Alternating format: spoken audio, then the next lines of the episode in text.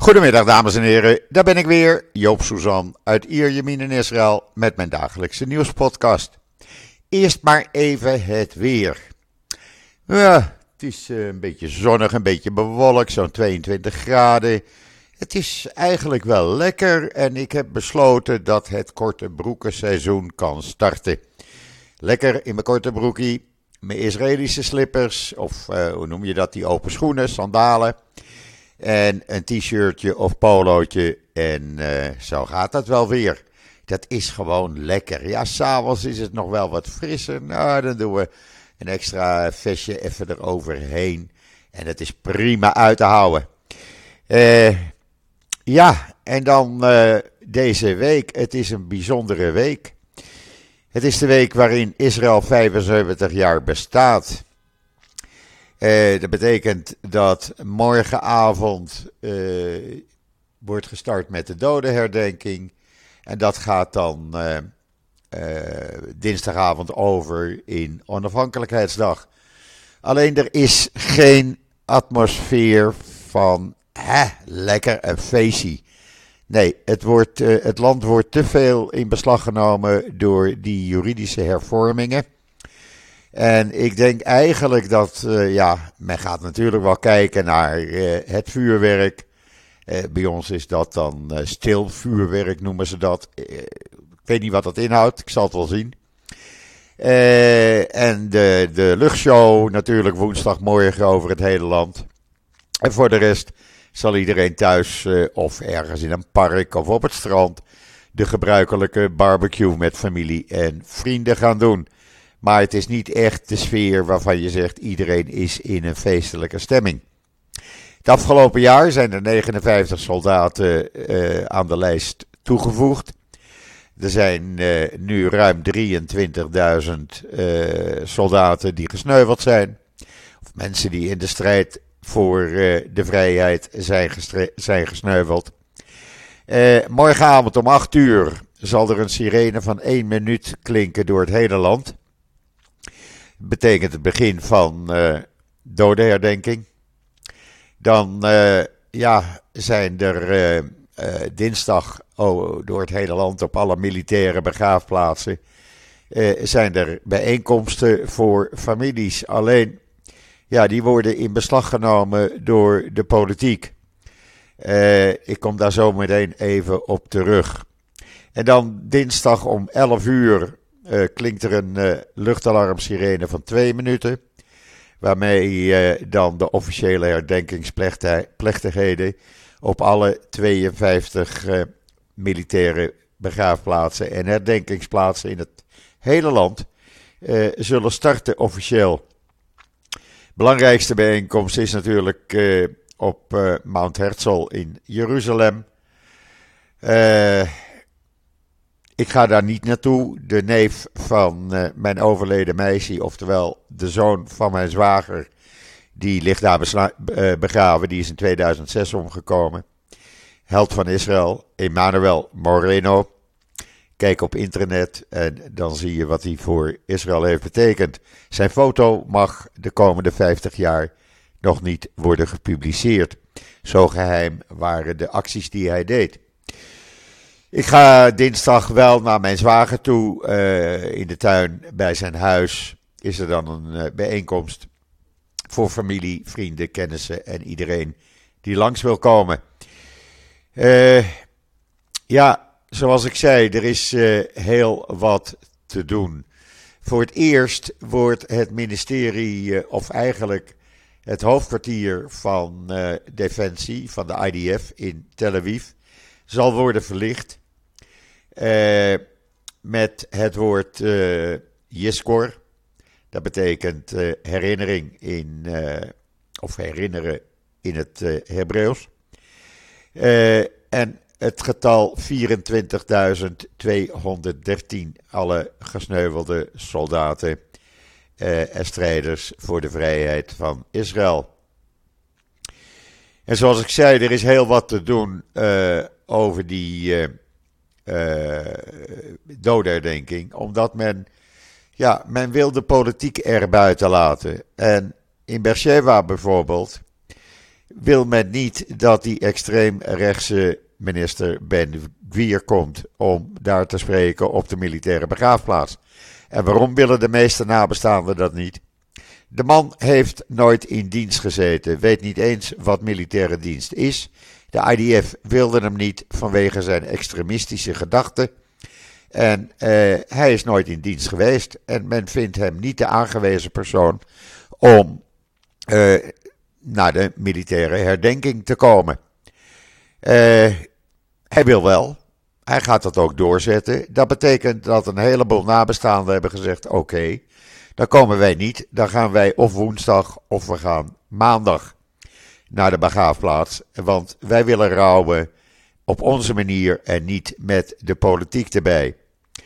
Er is uh, heel wat om te doen. En dat verpest ook de hele atmosfeer al. Uh, het heeft alles te maken met die, uh, met die juridische hervormingen. Ik heb daar genoeg over gesproken, men wil dat niet. De stafchef heeft een verklaring doen uitgaan. Ik heb hem vertaald, helemaal overgenomen in israelnieuws.nl. waarin hij uitlegt hoe belangrijk het is dat we juist nu in de schaduw van spanningen uh, moeten we herinneren, uh, we hebben de verplichting om de doden te herdenken. We moeten de begraafplaatsen ook respecteren en er geen politieke arena van maken. Terughoudendheid en stilte zijn oorverdovend en krachtig, zegt Halevi. En hij zegt daar ook, hij voegt daaraan toe, een gemeenschap met de herinnering aan onze gevallen geliefden kan niet bestaan onder het lawaai van debat. En daar heeft hij volkomen gelijk aan. En hij eindigt zijn verklaring dan ook. Uh, tijdens de ceremonies moeten we onszelf reduceren tot de pijn van het verlies en ons eraan vastklampen als een schild tegen alle andere ruis. Gewoon onthouden, kwetsen en respecteren. Al is het maar voor even. Al is het maar voor één heilige dag. En daar heeft hij volkomen gelijk aan. En ik ben het met hem eens. Politici laten ze wegblijven. Laten de nabestaanden gewoon op hun manier kunnen herdenken. Daar hoeven geen politieke toespraken bij. Daar hoeven geen politici hun standpunten te verklaren. En daar hoeven helemaal geen extreem rechtse politici, politici bij, die nog nooit in dienst hebben gezeten. Uh, Benkwier dus helemaal niet. Smotrich, daar uh, weten we van dat hij na twee, drie maanden het leger werd uh, uitgezet, omdat de man gewoon niet geschikt was. Dit soort mensen moeten hun mond houden. En als je dan ziet, gisteravond, gingen weer door het hele land honderdduizenden mensen de straat op om te demonstreren voor democratie. Bij ons waren daar eh, zo'n 25.000, 30.000 mensen. Eh, jong en oud, rijk en arm. Eh, wat opvallend was, en dat maakt meteen een eind aan de mythe die de regering constant rondroept, dat het allemaal linkse activisten zijn. Ik krijg dat zelf naar mezelf ook toegeschreeuwd, toegezegd. Uh, het wordt op Twitter, uh, word ik beschuldigd daarvan. Gisteravond was het mooiste bewijs in Natanja dat het een doorsnee van de Israëli is. De demonstratie werd geopend na Shabbat tegen 8 uur door een rabbijn met een keppel, met alles erop en eraan die begon met het opzeggen, het reciteren van het uh, Halava-gebed. Uh, met dat gebed wordt de Shabbat beëindigd en wordt de nieuwe week ingeluid. En dat is een uh, gebed wat alle orthodoxe mensen zeggen. En iedereen die Shabbat houdt, zegt dat na afloop van de Shabbat. Er wordt dan een kaars aangestoken, een glas wijn gedronken. En de nieuwe week wordt begonnen. En zo begon de demonstratie in Netanya. Met het Haftalah gebed. Eh, dat is het mooiste bewijs. Daarnaast eh, honderden mensen, eh, orthodoxe joden, die bij deze demonstratie hier in Natanja waren. Met keppeltjes, sommigen met alles erop en eraan, in het zwart. de vrouwen met hun hoofd bedekt. Men demonstreerde, omdat men ook het belang ziet voor het behoud van onze democratische rechten. En ja, er werd natuurlijk het, de demonstratie werd hier weer beëindigd met het zingen van het volkslied, het Hatikwa. In Amerika, in Tel Aviv, was voor het eerst een prominente Amerikaanse Joodse leider. Die uh, in het Engels de massa van 140, 150.000 mensen toesprak. Shaila Katz, CEO van de Nationale Raad van Joodse Vrouwen, die in haar toespraak zei: Dit is ook onze strijd. In een duidelijke boodschap aan Amerikaanse Joden riep zij uh, haar mede-Amerikanen op en de Israëli's die uh, thuis zaten: Kom van die bank af, ga de straat op, vecht voor de democratie. Want het gaat niet alleen over je zogenaamde justitiële hervormingen. Het gaat om de democratie. Die moeten we behouden. En ze zei: Jullie, het volk van Israël, een licht voor de naties, die de wereld laat zien wat het betekent om voor vrijheid te vechten. Wij vechten samen met jullie. Uh, daar sprak ook het voormalig hoofd van de Shin Bet, Yuval Diskin. Die zei uh, onder andere dat er nooit een regering in Israël was met zoveel racisten, homofoben en voormalig veroordeelden en dienstplichtonderdukers. In Jeruzalem was er weer uh, een demonstratie bij de residentie van de president. En daarna werd er gemarcheerd. Uh, en zo was er door heel Israël eigenlijk uh, werd er gedemonstreerd. Grote groepen, kleine groepen, een paar honderd mensen, een paar duizend mensen. Uh, maar er werd gedemonstreerd. Men ziet het belang. En het belang werd nog eens een keer onderstreept eigenlijk door iets wat vanmorgen in het nieuws kwam.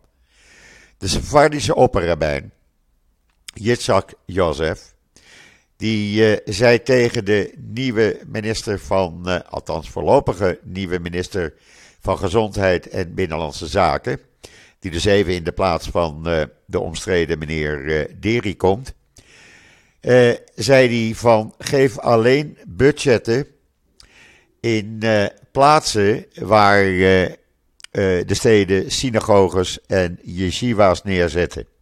Daar moet je de budgetten aangeven. Maar doe het in het geheim, zegt hij. En dat staat op video. Doe het in het geheim, want het is niet legaal, het mag niet. Dus je moet het even stiekem doen, maar alleen de budgetten geven aan plaatsen waar synagoges en yeshivas komen. Kijk, en dat is nou precies waar de demonstratie om gaat.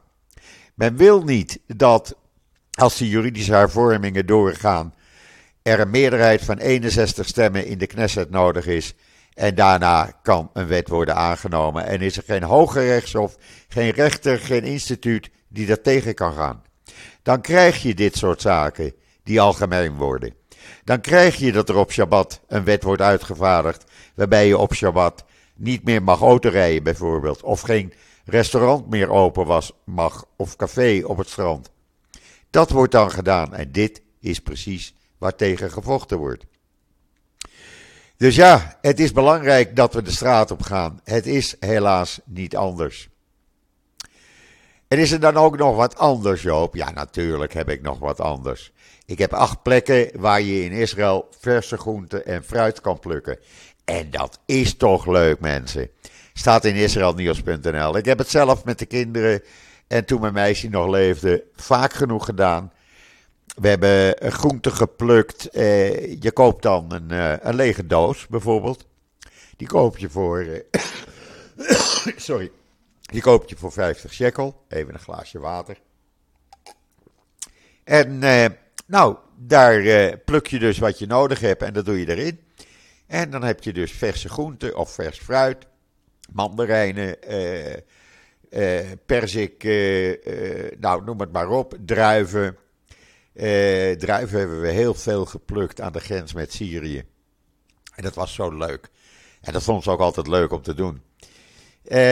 dus ja, die acht plekken ga ze bekijken en ga er naartoe. Want het is het leukste, een van de leukste dingen die je kan doen als je in Israël uh, bent.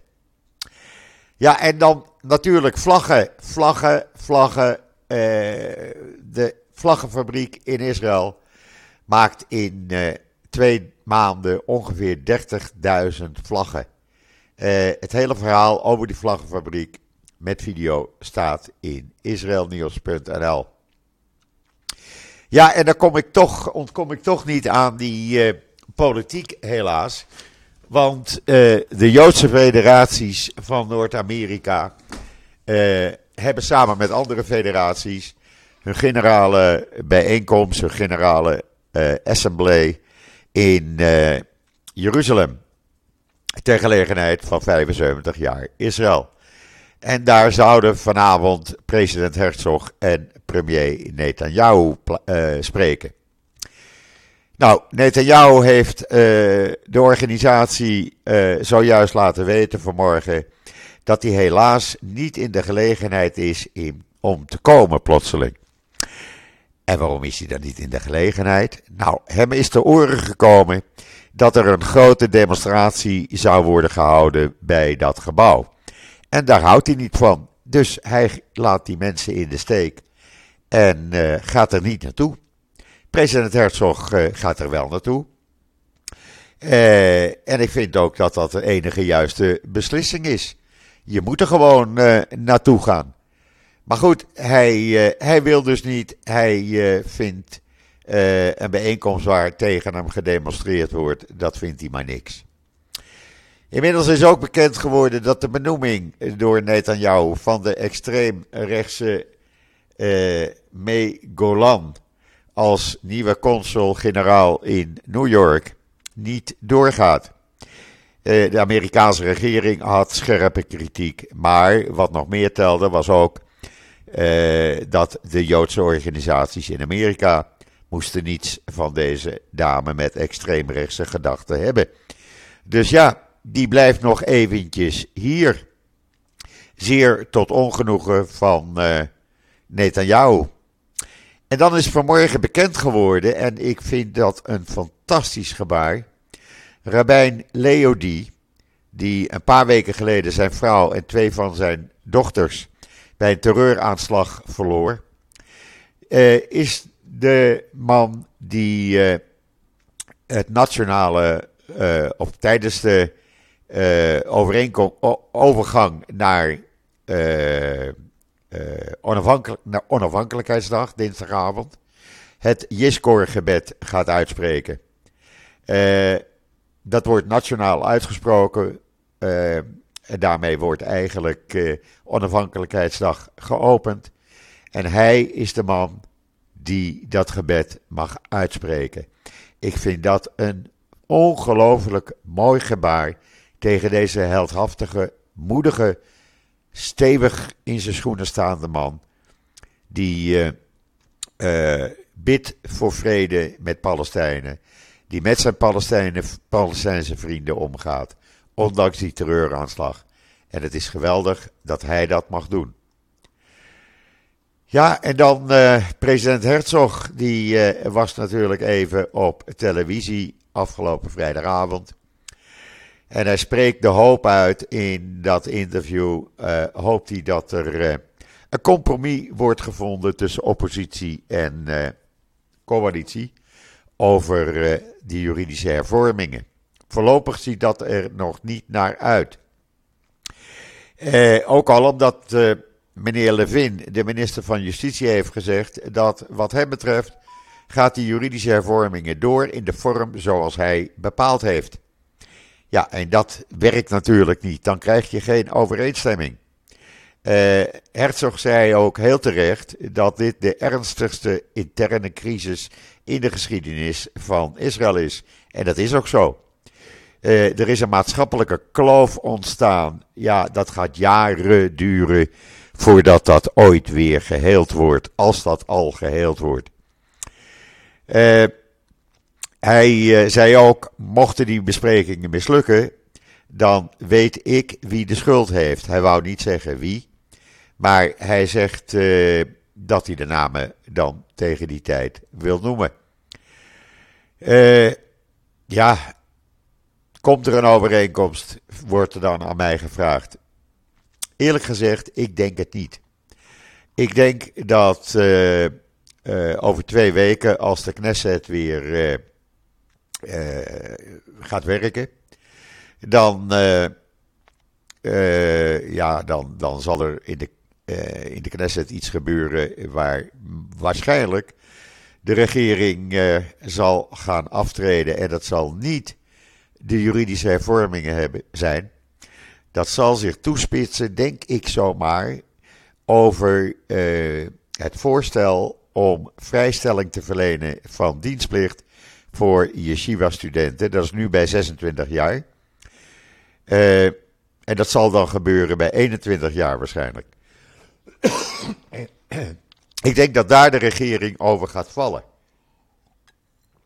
Uh, Althans, laat ik zo zeggen. Het zou mij niet verbazen. En het zal weinig mensen verbazen. Want eh, dat wordt een heel controversieel onderwerp. En die orthodoxe partijen die willen dat doorzetten. Want het maakt deel uit van hun coalitieovereenkomsten met Netanyahu. En als daar aan getornd wordt, dan trekken zij eh, hun conclusies en dreigen ze met uh, uittreden uit de regering en is er geen regering meer. Dus hier zou het wel eens om kunnen gaan uh, spitsen. We gaan het meemaken. Natuurlijk hou ik jullie op de hoogte. Ja, en dan uh, nu NL. Nu NL vond het vanmorgen weer tijd om, uh, ja, zeg maar, de leugens te vertellen, de leugens te publiceren over de Tempelberg en de Al-Aqsa moskee. Er zijn in de afgelopen Ramadan-maand miljoenen mensen daar naartoe gekomen. Uh, natuurlijk, er zijn wat ongeregeldheden geweest. Maar je hoort uh, NL niet in dat artikel schrijven over Palestijnse jongeren met vuurwerk, met explosieven. En met uh, stokken en stenen en staven die erop losramden. Nee, dat hoor je ze niet schrijven. Dat, uh, daar hebben ze nog nooit van gehoord bij NUNL. Ze hebben het wel gehoord, wat ze wel weten, was uh, dat Israëlische ordentroepen moslims hebben gearresteerd. Ja, dat waren dan de gemaskerde onruststokers met stokken, stenen en explosieven. en dat hoort niet op een heilige plek. Daar ga je niet met vuurwerk en explosieven gooien. Uh, natuurlijk, ze vertellen alleen maar uh, één kant. Ze vertellen niet de Israëlische kant. Ze hebben nooit die video's gezien uh, op internet, op Twitter. Daar weten ze allemaal niet van. Ik begrijp niet wat die Nederlandse media zo nodig anti-Israël moet schrijven. Kunnen ze nou niet eens een keer normaal de waarheid vertellen zoals die is? Ja, de waarheid is anders als jullie schrijven bij NuNL. De waarheid is anders als jullie schrijven bij NOS en RTL. Maar ja, de waarheid doet vaak zeer. Want dat strookt tegen je eigen ideeën in. Maar goed, NuNL heeft zijn wekelijkse portie anti-Israël artikelen weer geschreven. Het is een heel lang artikel. Als je er geduld voor hebt, ga de leugens lezen. Eh ik, eh, ik hou niet van leugens, laat ik het zo zeggen. Ik hou van de waarheid en die vertel ik. En eh, vanmorgen is er aan het licht gekomen in een nieuw boek dat meneer Boris Johnson, de Britse uh, minister-president, die uh, nu geen minister-president meer is natuurlijk, in 2019 een woede-uitbarsting kreeg waarbij hij zichzelf de Führer noemde. Nou, dat weten we dan ook weer. Niks menselijks is hem vreemd. Eh, maar er is ook leuk, leuk nieuws. Jawel, tuurlijk. Haifa is natuurlijk een stad waar Joden en Arabieren gewoon tolerant samenwonen. En daar hebben nu de christenen ook ontdekt hoe uh, de voordelen uh, zijn van de Ramadan. Moslims, christenen en Joden die samen uh, de maaltijden maken, die samen het einde van de Ramadan vieren. het kan allemaal in, in Haifa. Ze hebben samen Eid al-Fitr gevierd. Het einde van de Ramadan maand. En dat hele artikel kan je lezen in Times of Israel. Dat is de waarheid die uh, NUNL, NOS, RTL en welke andere media in Israël, in uh, Nederland, niet graag zien. Daar zou je ze ook nooit over horen.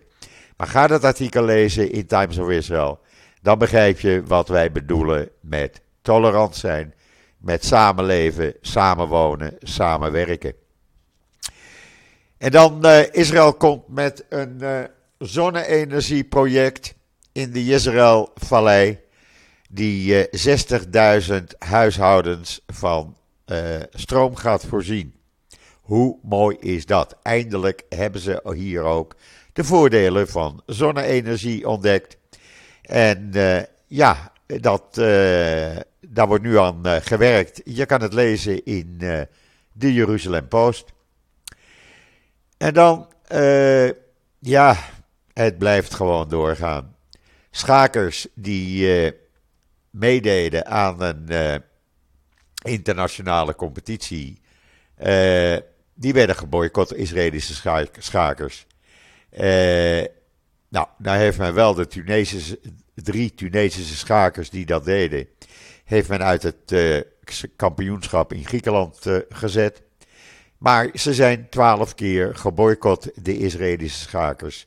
Waaronder een jongetje van negen jaar, Noam Sasson. Die vorig jaar Europees kampioen schaken werd. Het gebeurt nog steeds, het houdt niet op. En dan uh, ja, was er even paniek gisteren op uh, Ben Gurion Airport.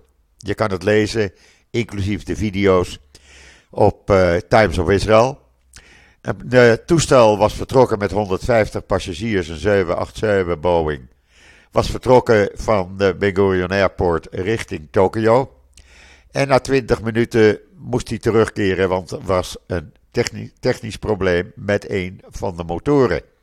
Nou staat die uh, Boeing 787 daarom bekend. Ze zijn een tijdje uit uh, de lucht gehouden. Maar uh, de Dreamliner, ja, die vliegt dus weer. Maar goed, er, is dus, er was dus sprake van een noodsituatie. Wat betekende dat er echt honderden ambulances naar het vliegtuig werden gestuurd. Eh, als je die foto ziet, je ziet echt honderden ambulances staan. Eh, alles was in gereedheid voor eh, een noodlanding. Toestel is veilig geland. Passagiers zijn veilig uitgestapt, overgestapt in een ander toestel. En alles kon weer naar huis. Alles wat opgeroepen was. Ja, dat was even paniek, maar zo gaat dat hier. Men heeft eh, natuurlijk een paar ambulances op uh, Ben Airport staan. Maar ja, eh, als daar een toestel met 150 passagiers komt, ja, dan heb je wel meer dan vier ambulances nodig. Dus er stonden iets van een kleine 100 ambulances op het vliegveld. En dat gaat reuze snel. Dat is echt chick Binnen 10, 15 minuten zijn ze er. Geweldig hoe dat georganiseerd wordt. Goed, dan ja, brengt mij dat een beetje tot het einde van deze podcast. ik zei u al, het wordt een rare week. Er zal veel over de dodenherdenking, ook door mij, eh, worden gepubliceerd en over worden gesproken. Veel over 75 jaar Israël en de betekenis van Israël voor de wereld en de Joden. Trouwens, daar kunt u veel over horen in de podcast die ik afgelopen donderdag met Roland Maakte. Die, ja, wij kregen tientallen positieve reacties van mensen die uh, het geweldig vonden. Ga hem even terugluisteren. Je kan dat doen via israelnieuws.nl of via podbean.com, uh, de Joop Suzan podcast. Daar legt Roland het heel goed uit. Want Israël betekent natuurlijk heel veel voor de wereld. Ik kom daar de komende dagen op terug. Alhoewel, ik maak één podcast minder deze week. Eh, woensdag, woensdag Yom Ha'atzmaut, onafhankelijkheidsdag. Ja, ook Joop, Joop gaat aan de barbecue. En ook Joop gaat s morgens kijken naar de vliegshow. Want ook uh, bij mij voorlangs uh, vliegen de toestellen uh, van de IDF, van El Al. als ze van Haifa richting Tel Aviv gaan om daar gedurende de rest van de dag een hele grote luchtshow samen met de IDF te houden. Dus ben je in Israël, ga naar Tel Aviv als je uh, tegen de drukte kan, want er komt zo'n uh, kleine miljoen mensen die dat allemaal op het strand wil gaan meemaken. Goed, dat brengt mij tot het einde van deze podcast. Ik wens iedereen een hele fijne voortzetting van deze zondag, de 23 april. Ja, vanmiddag om half vier onze tijd kan Joop ook naar eh, PSV Ajax kijken. Ik ga dat zeker doen. Uh, uh, dus ja, ik heb nog een leuke middag in het verschiet. geniet ervan. Ik ben er morgen weer. En zeg zoals altijd: tot ziens. Tot morgen.